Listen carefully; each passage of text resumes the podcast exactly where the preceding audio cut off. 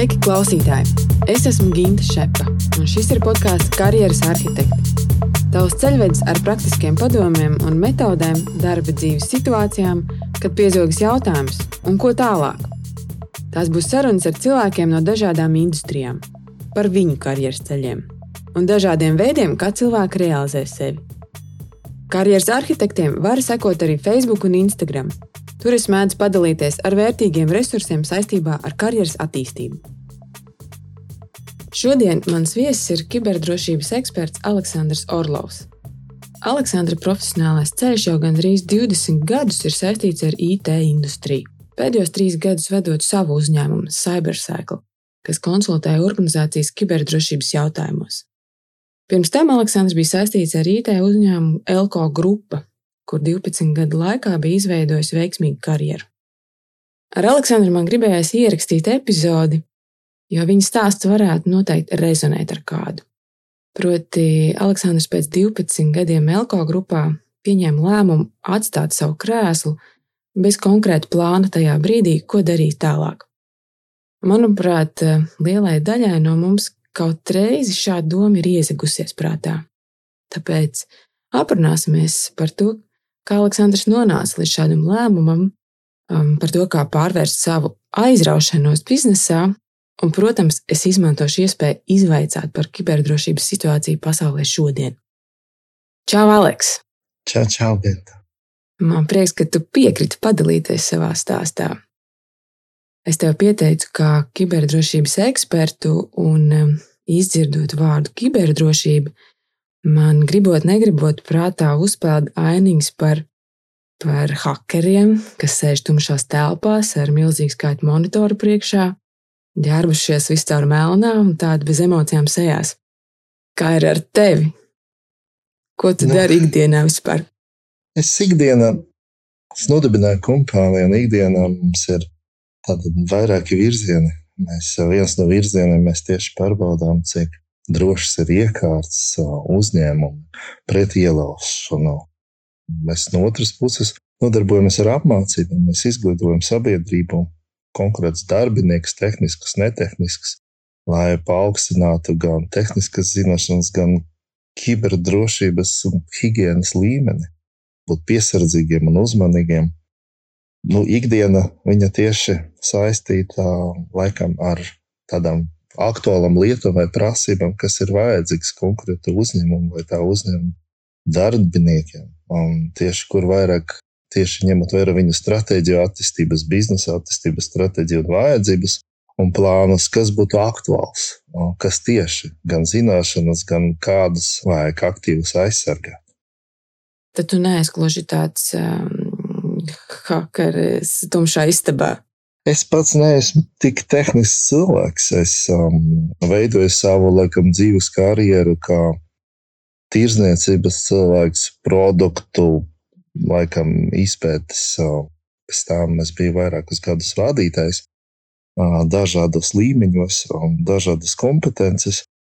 Vairāk es apvienoju šobrīd, reiz tavs minēts, ētiskos hakerus un tehniskus cilvēkus kuri ir ļoti zinoši ar mērķi, ka reiz aizsargāt uzņēmumus un pasargāt sabiedrību un cilvēkus no dažāda veida kiberļaundariem. Bet, ja mēs atgriežamies bērnībā, par ko Aleks gribēja kļūt, kad izaugs liels? Tas, tas ja skatāties tik dziļi atpakaļ. Es domāju, ņemot vērā, kāda bija laikam, valsts iekārta to brīdi, un es nebiju vēl brīva Latvijā. Visiem bija iepoties tas sapnis kļūt par kosmonautu. Tad ļoti retais nesapņoju kļūt par kosmonautu. Laikam, pie tā es pieturējos līdz mirklim, laikam, kad jau saka parādīties daudz vairāk iespējas un pašam brīvi lēmt un izvēlēties, ka tu audz jau paliec teenagers un vidusskolā. Tieši bija domāts, ka es laikam iešu savu virzienu ar jurisprudenci. Es ļoti aktīvi piedalījos skolas pašpārvalde, mums bija sava padome. Mēs diezgan aktīvi cīnījāmies par bērnu tiesībām, gan vietējā, Latvijā, gan starptautiski. Un tā es laikam pirmo izvēli savu veidoju jurisprudenci. Mm -hmm. Tev arī izglītība ir jurisprudencē, vai ne? Tā ir, jā, jo tas laikam kaut kā loģiski saslēdzas ar, varbūt, ar vidusskolas aktivitātēm. Es iestājos juristos, es pabeidzu ar profesiju, bakalaura Latvijas universitātē. Bet cik tas nebūtu, laikam, tādā smieklīgi vai ironija, es nevienu dienu nestrādāju par juristu, jo mācoties jurisprudencē, es jau sāku veidot savu karjeru IT un tieši tehnoloģijas. Viena no tas, kas mans pirmais uzņēmums bija, kur es strādāju, tas bija mikrolink datori. Kad es biju tāda liela kompānija, mikrolink ar dažādām divīzijām. Es tieši biju mikrolink datoru divīzijā. Un paralēli jā, mācījos jurisprudenci, bet bija vairāk ikdienas saistīts ar tehnoloģijām. Es domāju, ka tu neesi tāds viens, kas izglītību ir ieguvis vienā jomā, bet tas karjeras ceļš ir aizgājis kaut kur citur, pa citām sliedēm. Tev 12 gadi ir uzņēmumā Elko grupa. Diezgan ilgs laiks. Ar ko aizsākās tava karjera Elko? Elko aizsākas Droši vien pirmā izvēle bija, ka kompānija kā tāda man laikam tik ļoti aizrunāja tas, ka tā ir starptautiska kompānija, bet vietēja šeit. Tā ir Latvijas kapitāla sabiedrība, bet ar tik lielu tverienu un mērogu. Un, kad es sāku karjeru 2005. gada, es atnācu kā produktu vadītājs. Es biju atbildīgs par konkrētu ražotāju, viņa produktu un portfeli visas valstis, kur bija kapitāla sabiedrībai meitas uzņēmumi, un notika šī produkta distribūcija un tirzniecība. Un man patika laikam tas, ka ir tāds liels tvērums, bet tajā brīdī es pat nezināju, cik dziļš viņš ir. Tas prasīja nedaudz laika vispār saprast tā tik milzīgu organizāciju gan procedūras, gan dažādas valsts mentalitātes, gan uh, tirgus dinamika. Un tur paiet laiks, lai saprasties, kā veiksmīgi to produktu virzīt tirgu. Tas bija pats sākums, un uh, tad, protams, ka ņemot vērā laikam, gadiem, tad tas attīstīs līdz kaut kādam citam funkcijam un atbildībām. Bet tā bija pirmā izvēle, kāpēc es sāku karjeru Elku grupā. Kas bija tas mērogs, cik, cik plaša bija tava darbība? Jā, tu minēji, ka dažādas kultūras valstis, par ko mēs runājam.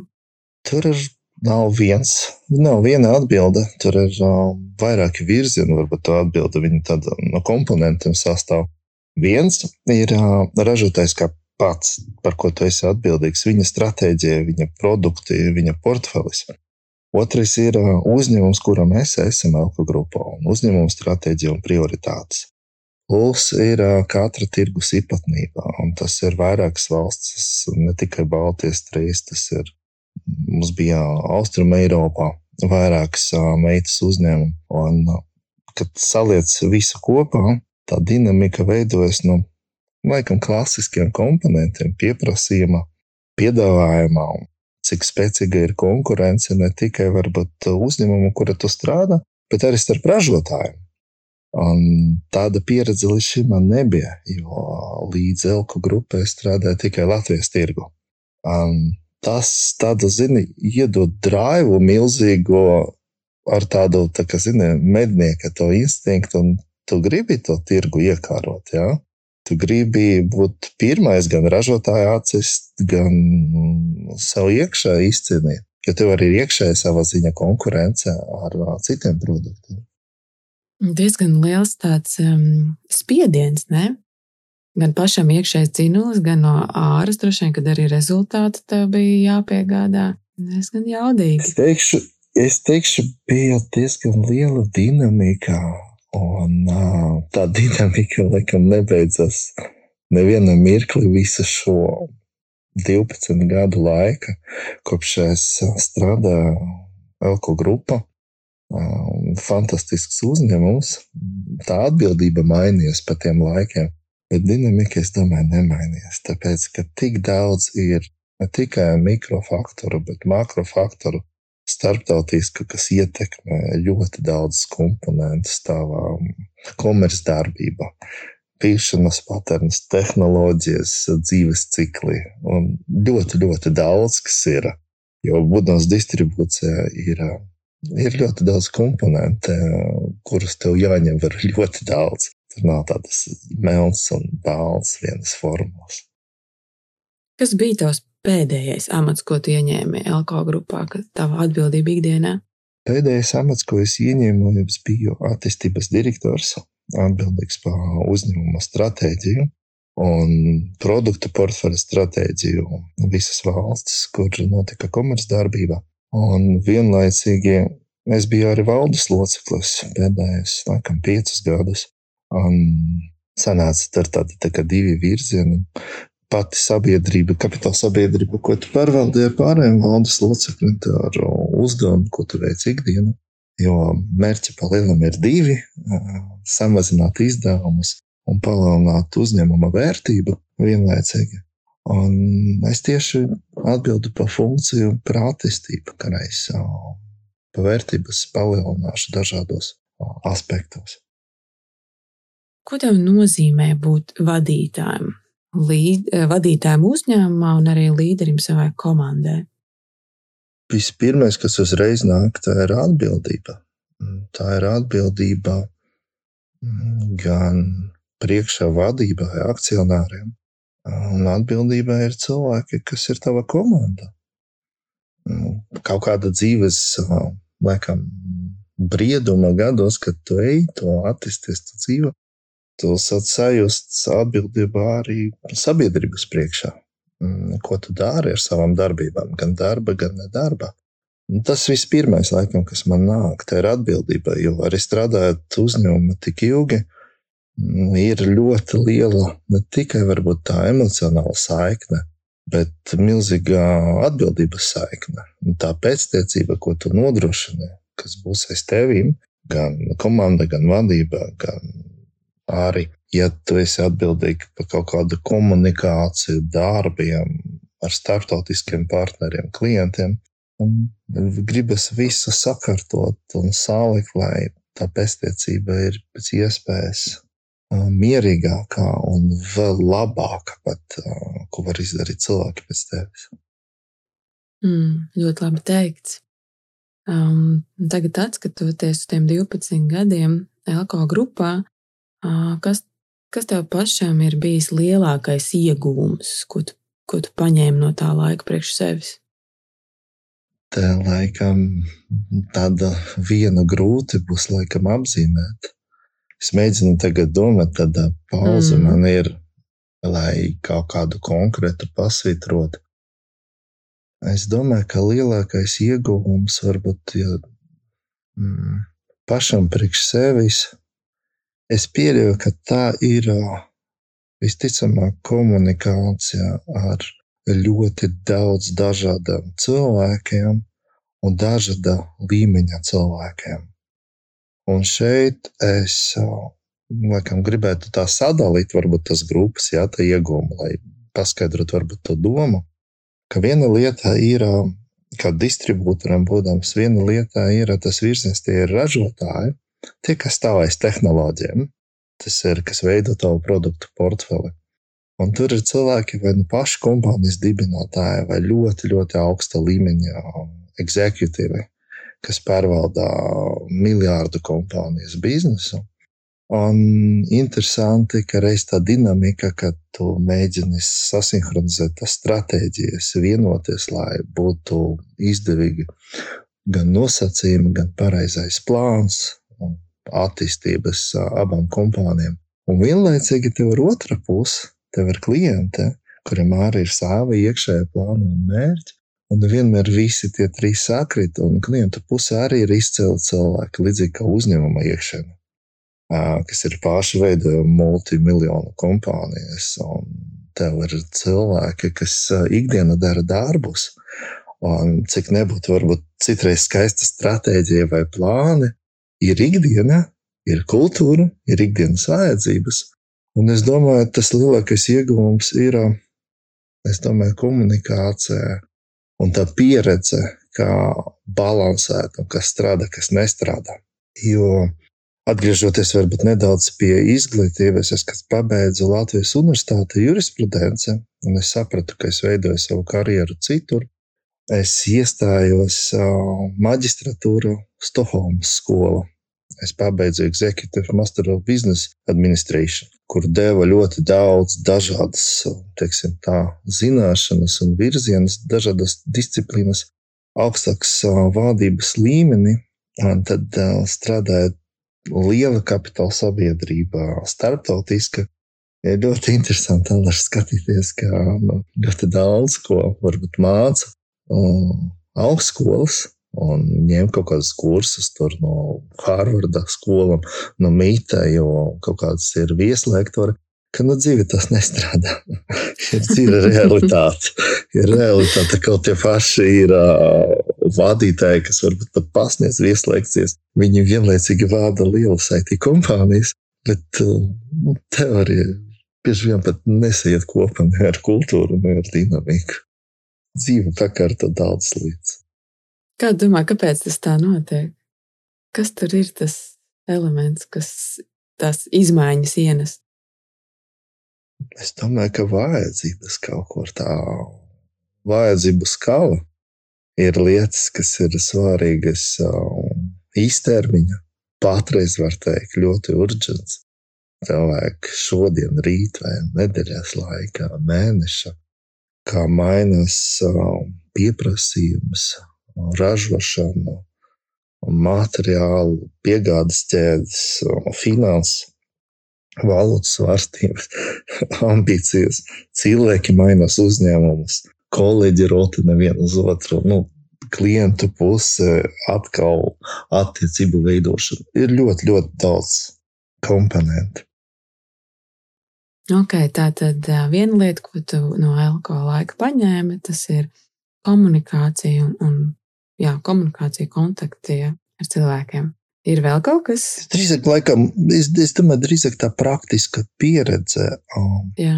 veidot uh, reizi un attīstīt uh, biznesu, ņemot vērā to cilvēku vajadzību, vērtību dažādību. Gan kompānija iekšēnē, gan uz ārā, uz klienta puses un piegādātājs. Laikam, domāju, nu, tas būtu tāds īsti lielākais, vērtīgākais apkopojums, ko es paņēmu. Mm. Un ja tev par sevi jāpareflektē, Kā tev šķiet, kas tev ir palīdzējis um, būt veiksmīgam tajās visās lomās, ko tu piedzīvoji 12 gadu laikā? Kas tev atslēga? Mm, mana atslēga ir tikai un vienīgi mani kolēģi. Neviens kas cits. Un dažāda veida kolēģi, reizes. Tie, kas man sēž pretī, kas sēž man blakus, kas veido man, manu komandu, tā ir vadība. Ko grupā ir izcila vadība. Un bija ļoti labi skolotāji. Mana līmenī es nezinu, vai, vai, vai varbūt nesaukšu vārdos, jā, bet uh, līdz šīm, kas ir joprojām ir um, kompānija, un arī no kompānijas, kas ir, teiksim tā, vēl aktīvi akcionāri, ir ļoti daudz no kā mācīties no tiem cilvēkiem. Tieši dzīves gudrību un kā pieņemt kritiskus lēmumus. Un ņemot vērā, ka es veidoju karjeru, tad dažādi cilvēki bija laikam dažādos amatos man blakus um, ikdiena. Tas ir laikam lielākais. Cilvēki vienmēr paliks vērtībā. Vienalga, cik es uh, veidoju laikam, savu karjeru dažādos uzņēmumos un arī patreiz, ko es daru. Cilvēki ir atslēga. Nu, Redzēji, Aleks, es tevi pazīstu citos kontekstos, ja mēs esam tevi pazīstami jau 11 gadus, un ne darba vidē. Un tāds mans personīgais novērojums par tevi ir tas, ka, manuprāt, tu esi ļoti veiksmīgs um, attiecību veidotājs. Tu ļoti ātri uzreiz uh, spēji izveidot kontaktu, lai, lai, lai kas tev pretī būtu. Un ar tevi ir ļoti viegli. Tā kā mēs nebijām jau desmit gadus tikušies, un, un man pēc tās mūsu tikšanās uh, bija sajūta, ka tie desmit gadi nav bijuši vispār pa vidu mēs atkal runājam tāpat kā pirms desmit gadiem. Un uh, es tā domāju, man šķiet, ka arī šī tava kvalitāte tev, tev ir palīdzējusi daudz kur. Mm, paldies, tev liels! Bet, jā, jā es... attiecības veidotājs. Paldies! Nu, noteikti, jā, kaut kādam kvalitātam ir, ka es veidoju attiecības, bet um, tur apakšā ir laikam, nu, ietver daudz dažādas, varbūt, disciplīnas, ko jāattīsta sevi, lai varbūt kaut kā tā skatīties uz um, komunikāciju. Un šeit ir uh, ne tikai varbūt, iecietība, tolerance, bet es domāju, tie ir divas tādas lielas varbūt īpašības. Viena tā ir zinkārība. Ja? Varbūt, kadreiz, kad mēs bijām bērni, mums mācīja, ka slikti būt zinkārīgam. Ja? Bet es pieļauju, ka, ja tu gribi starptautiski arī lokāli kaut ko panākt, tev jābūt ļoti zingarīgam par pretējo pusi, par kultūru, par uzņēmumu, par uzņēmuma vērtībām, par kas to cilvēku konkrēti, ar ko tu tiecies, kas viņu motivē, kas viņu vada dzīvē. Kas ir lielākā vērtība viņa, lai viņš pieņemtu lēmumus, kaut ko darītu, kas viņam ir svarīgs, kad tas viņam ir prioritāts. Un otra lieta ir, protams, tā ir kultūra. Ir tīpaši, ja sanāk satikties ar cilvēkiem, gan dažādas, varbūt paudzes, gan no dažādiem reģioniem un valstīm, ļoti, ļoti atšķiras. Cilvēku kultūras elementi, pat nerunājot par vērtībām. Jo šeit, laikam, ir, ir tāds labs laikam, teiciens, ka jau tu gribi panākt kaut ko pats priekš sevis, tu gribi, lai tevi uzklausītu, un tu kaut ko gribi gūt no tas sarunas, paņemt līdzi ne tikai varbūt sarunu kā tādu, bet kā reiz kā, kā action plānu, lai kaut kas sanāktu. Mhm, tev kaut ko jādod ir pretī. Jo cilvēks pretī tieši nāk ar saviem plāniem. Viņam ir sava aģenda, ko viņš grib sarunāt un uh, gūt no sarunas ar tevi. Tad jāspēj izzināt, ne, kas ir tā vajadzība, ko, ko tev otrā Jā. pusē vajag, lai tu vari iedot to pretī. Nu, bieži vien tas sanāk, ka diemžēl, cik neattīstītās tehnoloģijas, cik mēs nerunātu attālināti patreiz, pa audio, pa video, bieži vien tieši pietrūkst tā komunikācija klātienē. Kad tu redzi to body language tieši kaut kur, nezinu, divu, trīs metru kaut vai attālumā. Bet viena istaba to atroties ar oponentu. Tos neapzinātos signālus, ko mēs dodam otrai pusē, tie ļoti svarīgi. Piekrītu. Um, bet pēc 12 gadiem tu tomēr nolēmi pamest savu krēslu Elko grupā. Kā tu nonāci līdz tam lēmumam? Nu, tas nebija viegls lēmums, viennozīmīgi. Tas um, prasīja savu laiku. Varbūt, laikam, strādājot dažādos uzņēmumos, nāk tāds cikls, ja, tas uh, aplis kaut kāds, uh, kad tu tikko atnāc uzņēmumā, nonāk brieduma pakāpe. Tu sāc apdomāties varbūt ar karjeras prizmu, vai ko tu dari ikdienā, vai plānus. Man viņš nāca ārits ar dažādiem varbūt elementiem. Un bija jāsaka, grūti, laikam, bija tieši tas, ka ir parek liela atbildība, nu, laikam, pašam priekš sevi uz āru gan priekš um, pretī vadībai, akcionāriem, tavai komandai, um, sabiedrības partneriem. Es nonācu pie tā, ka varbūt pašam priekš sevis, ja es skatītos sevi kā algotu darbinieku uzņēmumā, es laikam to tā kā analoģiju varētu izmantot kā vidusskolu. Ja? Es strādāju 12 gadus, Un, laikam, es kaut kur noslēdzu to 12 gadu ciklu. Es tā kā nezinu, absolvēju no vidusskolas, dabūju savu uh, diplomu. Un, uh, jo mērķis varbūt uh, bija nevis tā, ka es gribētu mainīt uzņēmumu. Es nemeklēju uzņēmumu citu. Mans mērķis bija panākt varbūt tieši pēdējo gadu, divu um, pēctecību. Un to pēctecību nevis tā kā ir tikai cilvēks aiz manis, bet drīzāk varbūt kaut kādus noautomatizēt procesus, sālikt, kaut kā pamainīt procesus, lai varbūt ne tik ļoti ir atkarīgs no kaut kādiem elementiem vai cilvēkiem, bet nu, kaut kāda forma salikt dažādas aktivitātes un komercdarbības, lai tas varētu nu, turpināties pat labāk nekā ir šobrīd. Man mērķis bija atpūsties kādu laiku. Varbūt nesanāca tik ilgi, cik es gribētu. Jo es, es reāli gribēju atpūsties, tāpēc ka man bija ļoti milzīga dinamika sākot no 2011. gada. Man sanāca diezgan daudz lidot, un uh, tur bija dažādi mērķi. Tāpēc, ka bija meitas uzņēmumi dažādās geogrāfijās, bija sadarbības partneri, bija konferences. Bija ļoti daudz elementi, un vajadzēja izzināt, vajadzēja iepazīties, vajadzēja vienoties par plāniem, um, kaut ko ieviest, kaut ko pamainīt. Es domāju, tā visa dinamika, kas nebeidzās kaut kādā brīdī, es tu to izzini.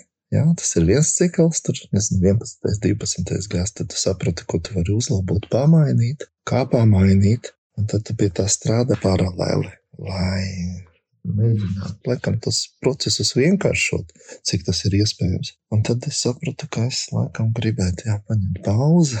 Un interesanti ir tas, ka uzņēmumā ir bijuši gadījumi, kad uh, lielā amatā eksekutīvi un kaut kāda līdzīga ir ņēmuši tādu pauzi arī pēc uh, garāka laika posma atpūsties.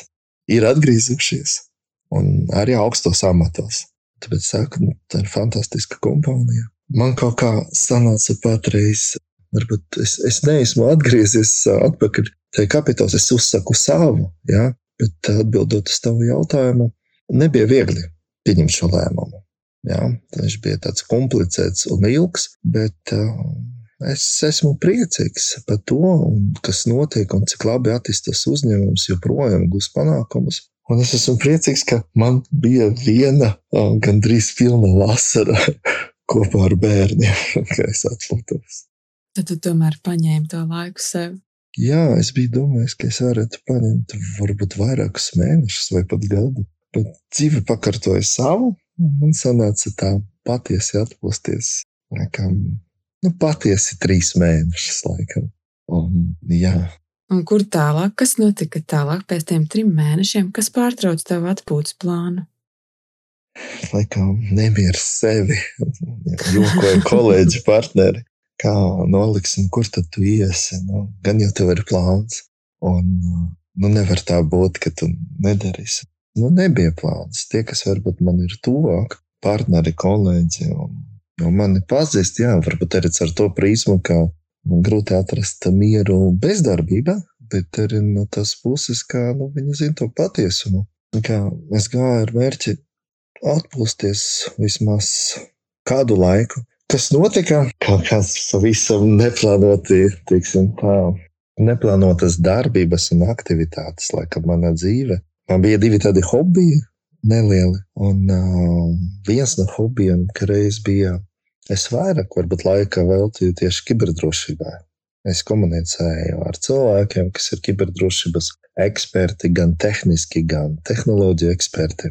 Un uh, es strādāju arī uzņēmumā, varbūt pievērsu vairāk tam laika un skatījos, būdams valde, kas notika ar uzņēmumu, kaut es nebiju atbildīgs par to funkciju. Mums bija izcili kolēģi, Un uh, tas kaut kā laikam iesēdās un sanāca diezgan tā, varbūt smieklīgi. No vienas puses, um, ar vienu no sarunām man prasīja kārtē reizi, ko es plānoju darīt. Un es uh, minēju, ka es domāju, ka varbūt es kaut ko komercializēšu vienu no hobijiem, kas saistīts ar kiberdrošību. Un tad uh, prēti cilvēks pateica, tas varētu būt interesanti, ja tā tēma ir ļoti aktuāla. Un mums ir pēc diviem mēnešiem iekšējā uzņēmuma konference. Un, ja tu domā ar to nodarboties, varbūt tu varētu atnākt, pastāstīt kaut ko. Ja mēs tevi pazīstam tieši kā speakeri, kas uzstājas, kas runā, kas prezentē, kas dalās ar zināšanām. Es teicu, ka, ja es līdz tam nonākšu, tad es noteikti tad padošu ziņu. Un tad man sanāca, ka bija vairākas sarunas un sarunas no dažādām valstīm. Daudzi cilvēki, kas tomēr strādāja 12 gadi uzņēmumā vai nozara, gandrīz 20 gadi, ir plašs lokus, ar ko tu komunicē. Tie, laikam, ar kuriem vairāk sanas konsti, viņi arī biežāk aktīvāk prasīja. Gan klienti, Aleks, ko tu darīsi? Nu, tad, laikam, šī konkrēta sāruna tā ļoti stipri pamudināja visu katalizēt. Jo pagāja mēnesis, un tas cilvēks atcerējās un teica, ka mēs veidojam to konferenci, un mēs tevi pieteicām kā speakeru. Un atsūti lūdzu kompānijas profilu, nosaukumu un tēmatu precīzu. Tev vairs nebija kur sprukt? Jā, es pats sevi iedzinu tādu, teiksim, tā katalizatoru ka nu, tad ir jāpieņem lēmums. Vai tu ar Jā. to nodarbojies, un tu nodarbojies uzreiz un tagad, tāpēc, ka tev ir četras nedēļas laika, un tu savā ziņā jau izteici tavu komitmentu, solījumu, ka tu varētu to darīt. Vai tad ir jāatmet to domu? Es kādreiz, kad mācījos Kareizes Viedru augstskolu, mums bija tāds kurs, Frederiks Hārens bija pasniedzējis, viņš mācīja par kreativitāti. Viņš joprojām to māca, Viņš ir viens no labākajiem, man liekas, publiskiem speakeriem pasaulē. Viņš toreiz atstāja tādu, nu, teiksim, tā vēstījumu, gudrību mācot, ka tā kreativitāte tevi. Viņa ir tas, ir, ka tev ir ierobežots laiks domāt, un tev ir ātri ir, uh, jāražo kaut ko. Un tad tu sāc palikt kreatīvs. Tāpēc, laikam, bieži tas saslēdzas, kad ir sesijas un vēl kaut ko, ko mācās pēdējās dienas, un tad tev ir tas laika spiediens būt produktīvam un ražot kaut kādu produktu. Man bija tāds spiediens, un es domāju, ka šī teorija konkrēti nostrādāja mani. Ja tā rodas uzņēmums, tā rodas nosaukums um, divu nedēļu laika. Mēs sākam veidot jau apzināti zīmolu, un uz to konferenci mēs piedalījāmies un guvām, guvām ļoti labas atsauksmes, kā mums pēc gada piedāvāja vēlreiz tieši tas pats uzņēmums uzstāties. Un tā tavs ceļš pagriezās, jā, un tu izveidoji savu uzņēmumu. Es izveidoju savu uzņēmumu, un kopš tā laika, laikam, nu, tā ir ikdiena. Tā ir ikdiena, jā. tad pat nevar tas skatīties vairs uz brīvdienām, jo te ir cita veida atbildība, un te ir cita dinamika pavisam. Un šeit arī atbildību es vairāk jau varbūt arī jūtu tik ļoti arī uz sabiedrību, Es diezgan dedzīgs esmu Latvijas patriots, un arī caur varbūt to izglītību un bērna prizmu. Mm, ir ļoti daudz elementu, ko mums jāmāca gan sabiedrībai, gan uzņēmumiem, gan bērniem. Un tieši caur kiberdrošības varbūt aspektu, nerunājot par visam pārējiem zināšanām un disciplīnām. Es pats priekš sevis izvēlēju šo ceļu, Un tagad, jā, tā varbūt hobijs tagad ir kā, teiksim, tā komercializēts un ļoti liela kaisla, kas aiziet ar darbu uz dotu mirkli. Mēs jau reku pieskaramies jā, lielai tēmai kiberdrošība. Kā tu vispār raksturotu kiberdrošības situāciju šobrīd pasaulē? Cik daudz nu, mēs kā privātpersonas par šo aizdomājamies un, un, un kaut kādas rīcības darām un cik organizācijas strādā ar kiberriskiem. Ko tu redzi? Tas tāds, teiksim, tā jautājums ar daudziem apakšjautājumiem. Ja? Mm. Es varbūt pa, pa grupiņam atbildēšu tev, kas attiecas uz sabiedrību un varbūt to izglītību. Te ir varbūt elements, ko vajadzētu domāt, varbūt tieši nu, jau valsts līmenī, caur skolām, ja, augstskolām. Un iedot mums to kiberhigiēnu un elementus, ir forši, ka ir informātika. Un es redzu, ka ļoti daudz tagad skolas ir robotika, ir kodinga un programmēšana. Bet ir daudz elementi, ko tu ikdienā, nu, tev ir jāzina par, piemēram, internetu, pārlūkiem, ko tu lietu, kādas ierīces, aplikācijas. Ir daudz, daudz elementi, kas var saturēt riskus Un tie riski ir dažādi, gan kā ļaunprātība, krāpniecība, izspiešana, naudas, tirdzniecība. Ļoti daudz ir, manuprāt, momenti, ko mums varbūt nedod izglītības iestādes tik ļoti, un mēs paši par to nepadomājam. Ja? Un tajā skatīties starptautiski, es domāju, ka tas ir ļoti līdzīgi kā ar jebkuru ekonomiku. Ir attīstītāka valsts, kas vairāk kaut ko dara tajā virzienā. Ja? Ir mazāk attīstītāka, kur mazāk ir noteikti ir ļoti daudz arī valsts, kur nav tā internetā, un tik daudz arī IT tehnoloģijas, lai domātu par to kiberdrošību tāda liela mērogā kā sabiedrībai, jo viņi nevar pat vienkārši atļauties vai pieslēgties. Jo mums no bērnības māca mūsu vecāki un pāri nestiec to, ja, mazgā rokas, dāri, tas ir karsts. Mums iedod gan privātu higiēnu, gan pasargā kaut ko. IT pasaulē tur ir vairāk aktivisti vai tie, kas mācās specializēti, bet to mums nemācās no skolas. Man, piemēram, ir prieks, ka šovasar Finanšu nozares asociācijā kopā ar Mastercard izveidoja kampaņu Vietpircējs. Izglītoja sabiedrību, lai kļūtu no pircēja par vietpircēju, iepirkties internetā. Kam ir jāpievērš uzmanība, lai nekļūtu par krāpniecības upuri? Un, man liekas, tas ir nu, ļoti liels spēriens un nu, ļoti foršs solis izglītot sabiedrību. Tā ir viena daļa, ja, uz tavu jautājumu. Otra daļa par uzņēmumiem vai kompānijām. Šeit ir atkarīgs no organizācijas lieluma, brieduma un arī tāpat likumdošanas. Jo, jo lielāka organizācija un lielākas viņam operācijas, tad viņam nāk visādi regulējumi, vai arī budžeti, ko viņi paši saprot, cik viņam ir jālicē uz aizsardzību. Un tad ir dažādas elementi. Ja mēs paņemsim finanšu nozari, ne tikai bankas, bet finanšu nozari, Viņam diezgan augsts ir brīvguduma pakāpe. Gan aizsardzība uzņēmumu, gan viņu klientu. Tāpat atsevišķa valsts pārvalde vai kritiska infrastruktūras organizācija. Un, ja mēs paņemam varbūt vidēju mēroga kompānijas vai vidējas kapitāla sabiedrības vai maziņas, tad tur ir ļoti atkarīgs, ko kompānijas dara.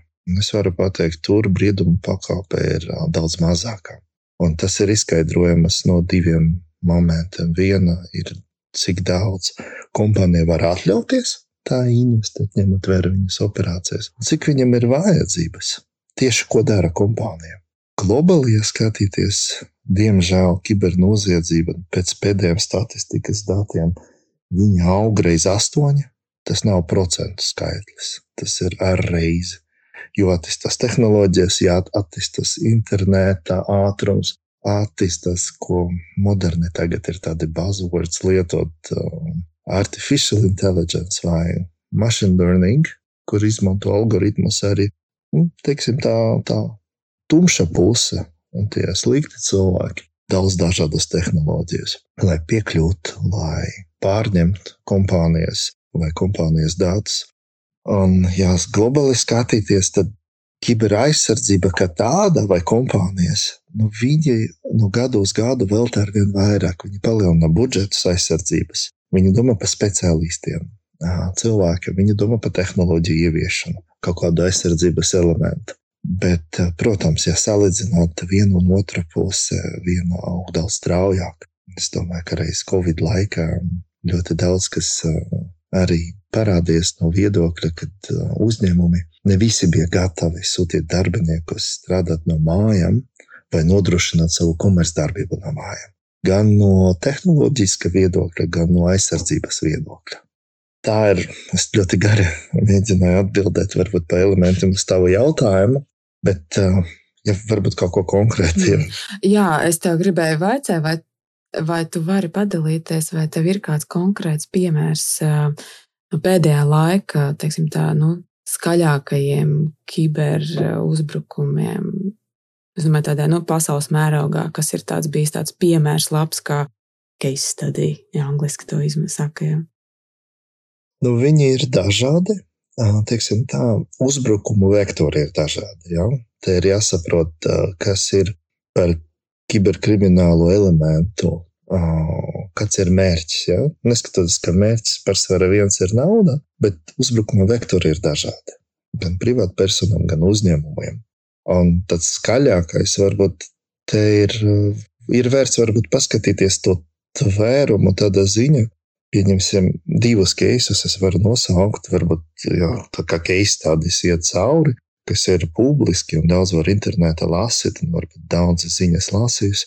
Viens ir kompānija Maersk, tas bija 2017. gads, kad izskanēja kā reiz publiska informācija, ka viens mēnesis, jūnijas 17. gada, lielai milzīgai startautiskai kompānijai viens mēnesis jūnijas nesā apmēram 300 miljonu zaudējumu. Un tur reiz bija vektors tāds, ka bija non-pitch, tāds ir vīrusu ransomware, kas kriptē infrastruktūru, un kompānija nevarēja operēt. Nodarbojas ar krāvas pārvadājumiem. Tas ir liela kompānija, viņiem ir ostas, konteineri, kuģi.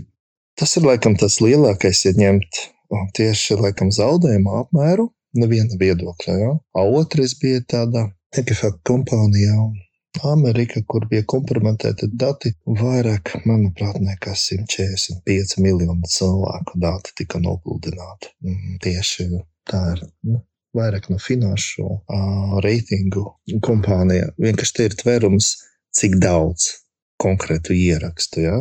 Te var būt divi tādi skaļāki, mm -hmm.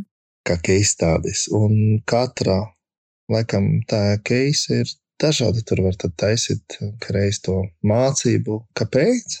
Vai tur ir cilvēka kļūda, un kur konkrēti, vai pietrūkst varbūt zināšanas tehniskiem cilvēkiem, vai varbūt vajag tehnoloģiju ieviest. Tur ir daudz dažādu elementu, var iet cauri un jau mācīties. Un es domāju, šie divi konkrēti gadījumi Viņa diezgan daudz ko ietekmēja. Gan viena nozare, gan starptautiski saistītām nozarēm, kur saka vairāk pievērst uzmanību.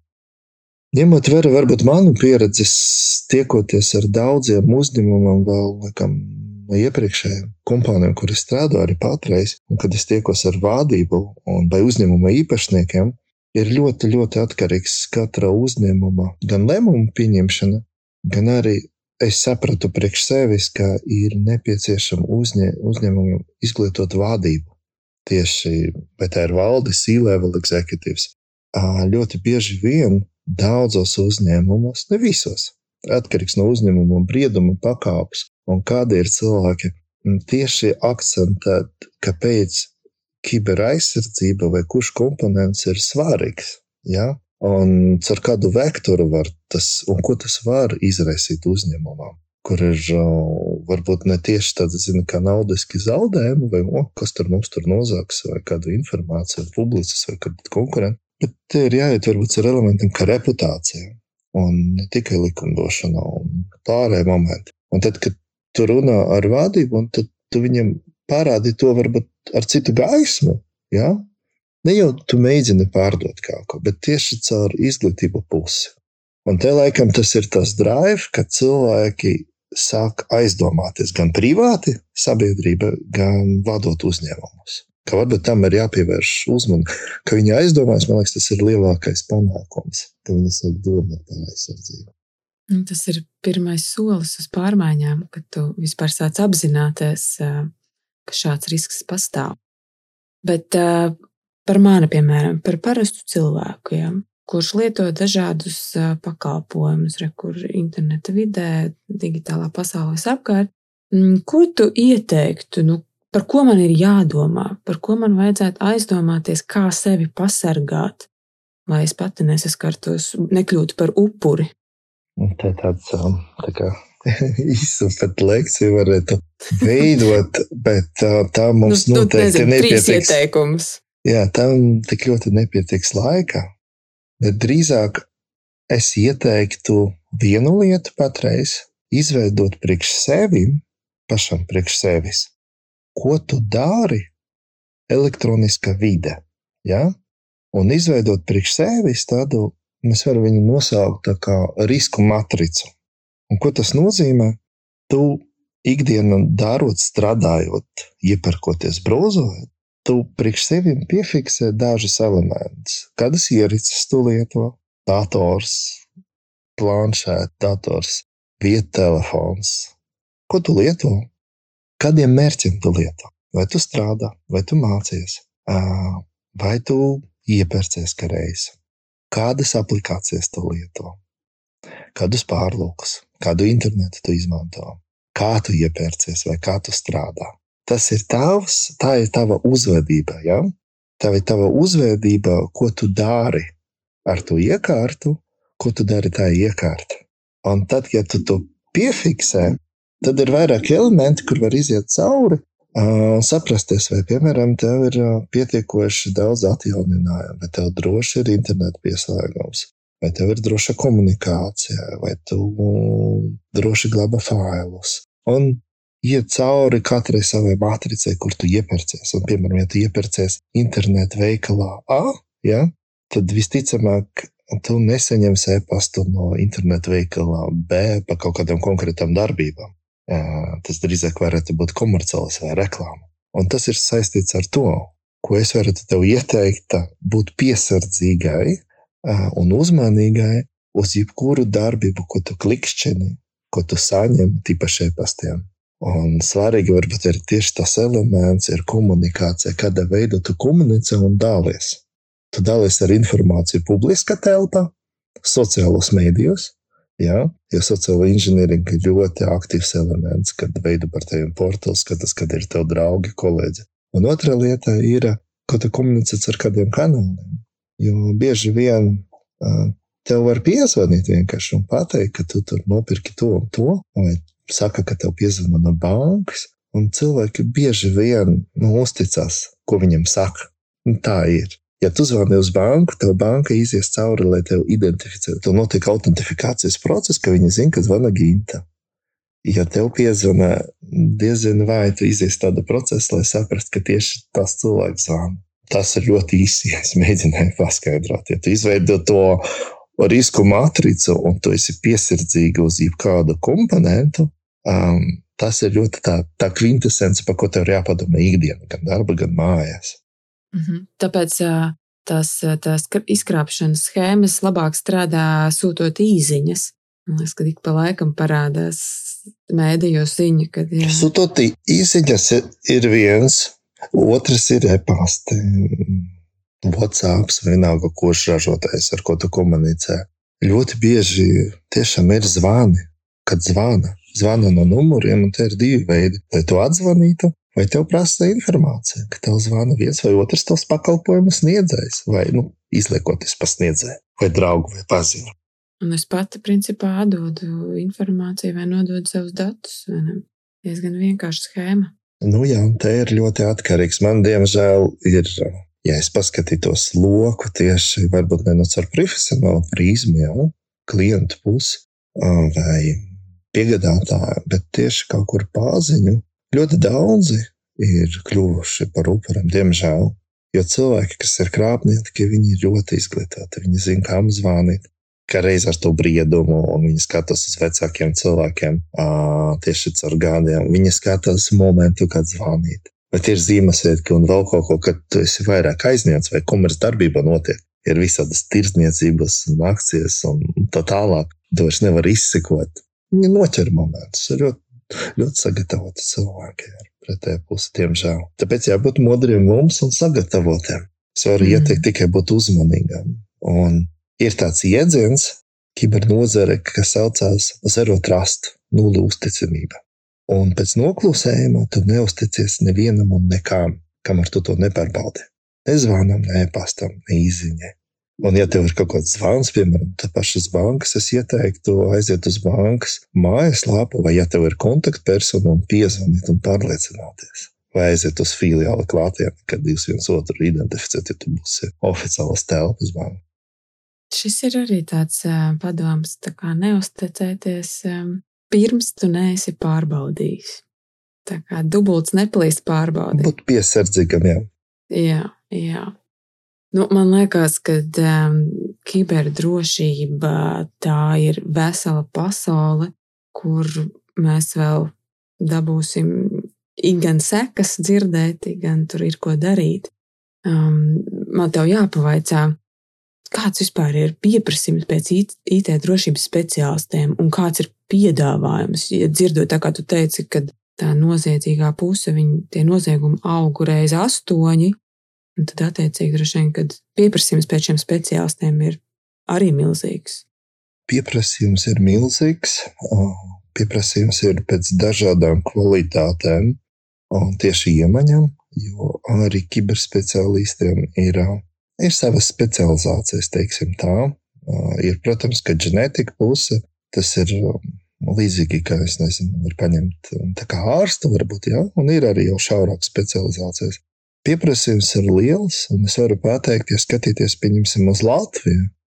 Pirmkārt, Latvija ir pietiekoši augsts kiberaizsardzības līmenis, un bija uh, ekonomikas fóruma dažādi reitingi, kur Latvija parādās topā, mums ir ļoti zinoši eksperti, Latvija ir gan uzņēmumos, strādā gan publiska sektora.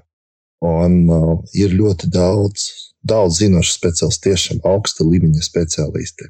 Bet, ja skatīties uz tirgu, es nezinu, cik laika pa laikam dzirdu, kad prasa viedokli, vai tu nezini kādu, vai varētu ieteikt. Pieprasījums ir liels. Ir īpaši meklē kompānijas, kuras var atļauties, jo Tas nozīmē, ka ir jāveido atsevišķa struktūra, ir jāveido ne tikai, ka tā ir IT, bet ka reiz, ka tā ir kiberdrošības, vai tā ir departaments vai nodaļa. Un tas nozīmē, ir štata vietas un tām amatām, un tad ir atsevišķs budžets uz funkciju, un kam ir vajadzīgs. Un tur ir tā lielāka dinamika un pieprasījums tieši. Un es nezinu aktuālus datus uz šo brīdi, tieši ja skatāties tādu cilvēku resursu pārvaldību Bet uh, kaut kādā pirms trim mēnešiem es zinu, ka meklē kaut kur līdz desmit cilvēkiem mēnesi, tepat Latvijā nerunājot par ārzemēm. Mm, dažādi lieluma uzņēmumi. Nu, man prieks dzirdēt, ka, ka Latvijā tu saki, ka mums ir labi speciālisti un esam sagatavoti. Par to tiešām prieks. Ir labi speciālisti, bet ir tā mūžīga tā dilēma par to speciālistu trūkumu. Ja? Jo mm. ar kiberdrošību te ir tāds moments, mums ir, um, cik man ir zināms, jā, es visu arī nevaru zināt, bet cik man ir zināms, ir augstskolas, kas mācā maģistratūru par kiberdrošības, tad drīzāk kā drošības pārvaldību. Bet, ja ņemt vērā tieši ekspertu tehnisko pusi, jā, nu, cik es redzu starptautiski tirgu, nu, tie cilvēki, viņi vairāk kļuvuši par tādiem, savu ambīciju un kaislas dēļ. Tāpēc, ka skola par to nemācā, universitātes to arī nemāca. Ir tikai specializēti kursi un mācības par etisku hackingu vai dažāda veida certifikāciju var nolikt. Ja? Bet uh, nav tādu sistematizēto teiksim, tā, virzienu, lai apmācītu tāda veida augstas kvalitātes speciālistam. Jo, ka jebkura nozare, un es domāju, šeit nekas neizšķirsies. Ja tu gribi ekspertu, tad tev vajag ne tikai zināšanas bāzi dot, bet ļoti daudz jādod viņam praksi. Un šeit ir tā ikdiena, kad praksa var atšķirties varbūt no tā mērķa. Jā, lielāka tu uzņēmuma strādā, jo ir vairāk ir procesi un procedūras, nu, ko tev ir jāievēro. Un birokrātiski momenti un pārējie ne tikai ikdienā nodarboties konkrēti ar aizsardzības momentu. Nu, tu esi vēl viens piemērs tam, ka arī tev šī te tēma ir bijusi ilgu laiku kā sirdslieta. Un tikai tagad tu esi aizgājis tādā profesionālajā plāksnē, kiberdrošības laukā. Un tie speciālisti nozarē, es domāju, liela daļa jā, šādi ir izvēlējušies saistīt savu profesiju. Tā ir taisnība, jā. Es vairāk skatījos tirgu, Es vairāk skatījos, varbūt vektorus ar uzņēmumu, kur es strādāju, kas notiek pasaulē. Kāpēc tas notiek, un kādas ir tehnoloģijas, un kad ir cilvēki, un kādam vajadzīgas ir zināšanas. Es vairāk skatījos, vēroju, pētīju, sekoju līdzi varbūt tendencēm. Bet tad, kad tu saskaries jau varbūt ar praksi to, nu, tu jau runā ikdienā ar tehniskiem cilvēkiem, vai tu runā ar uzņēmumiem, kur ir cilvēki dažādos C-level amatos, kas atbildīgi konkrēti par kiberdrošību tādu, un katram ir savas vajadzības un prioritātes, jo dažādas ir brieduma pakāpes uzņēmumā, kā arī operācijas ir dažādas, un kā būvēt to tehnoloģiski kompānijas. Un tad nu, ir ikdienas vajadzības, ko gandrīz jebkurai kompānijai ir, teiksim tā, ir tāds targetēts vai mērķēts meklējums, lai kaut ko uzlabotu sev. Un es domāju, ka jebkura būs, jebkura kompānija var paņemt. Tas ir kā ar celtniecību, kad būs pabeigta Rīga. Ja? Mhm. Ir daudz ko darīt. Un ir tīpaši, ja skatīties starptautiski, kā aug, un cik inovatīvi un cik daudz dažādas ļaunaturas tiek izdomāts, vai dažādi uzbrukuma vektori ir ļoti daudz ko darīt, ka reiz, un tā kā jebkura uzņēmuma var teikt, arī privātā dzīve, mēs esam paši, mēs esam cilvēki, mēs cilvēki kļūdos, un cik mēs izglītoti. Es domāju, ka reiz tas ir tas, laikam, ja skatīties uz ekspertu, tu pajautāji, cik daudz speciālisti, un no kuriem saka, jāsaka ar sevi daudz ko. Cik tu esi zinošs, piesardzīgs. Ja tu esi tehniskais eksperts, kā attīstīt savas iemaņas, un kā dot, ja tu esi uzņēmums, kā dot saviem darbiniekiem attīstīt viņu izglītot un palīdzēt viņam attīstīt iemaņas. Um, nobeigumā man gribas tev pavaicāt, um, nu tā, uz tavu pieredzi balstoties, tad, ko tu ieteiktu cilvēkam, kurš ir nostrādājis ilgus gadus vienā uzņēmumā un, un jūt, ka ir laiks pārmaiņām, bet ir, ir neziņa, ir nedrošība, spērt to soli. Ko tu ieteiktu, kas var palīdzēt? Tā ir laikam, protams, ka ir atkarīgs no cilvēka jau, un no cilvēka vēlmēm, vērtībām, motīviem, kāpēc varbūt grib mainīt, un kā nonāca līdz šim strādājot ilgi un lojāli. Es ieteiktu, es ieteiktu pirmkārt nebaidīties, nebaidīties nevis no pārmaiņām, kā tādām, jo tā ir laikam uztvere. Daudz varbūt pārmaiņas vienmēr uzturēs negatīvi, citi ar prieku varbūt skries. Mans ieteikums būtu nebaidīties izvērtēt šo soli tieši. Neatlikt viņu. Ja cilvēks kaut ko transcendāli galvā sāk domāt, ka es gribētu mainīt, nu tad uzlikt to sev priekšā uz lapas, uz galda un saprast, nu, es tagad par to padomāšu. Kāpēc man to ir jādara? Kāpēc es nonācu pie tās domas? Ko es gribu mainīt savā dzīvē?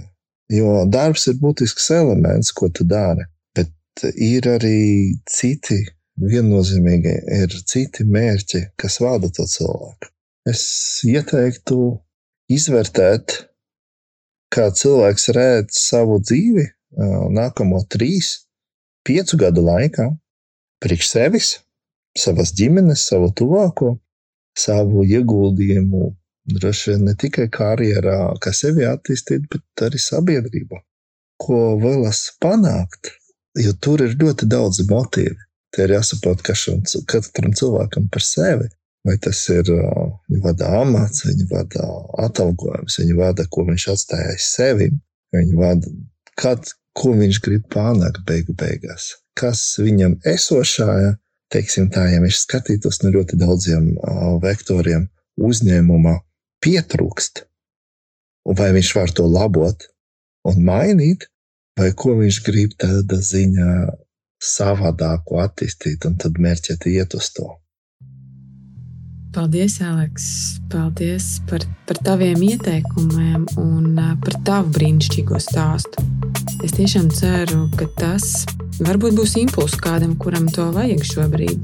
Par to, ka dažkārt ir jāļaujas pārmaiņām un nevajag no tā bīties. Tev, Aleks, es novēlu turpināt iesākto, palīdzēt kopt sabiedrības izpratni par kiberdrošību, kā mums pašiem sevi pasargāt Un, ja mēs paši par sevi mm, parūpēsimies, tomēr kopumā mēs radīsim vienkārši drošāku pasauli sev apkārt. Kā paldies, tev, Aleks! Paldies! Liels. Un tev, klausītāji, es novēlu būt vērīgam, vērīgam pret sevi, neaizmirst sevi pasargāt, un tiekamies pēc nedēļas. Atā!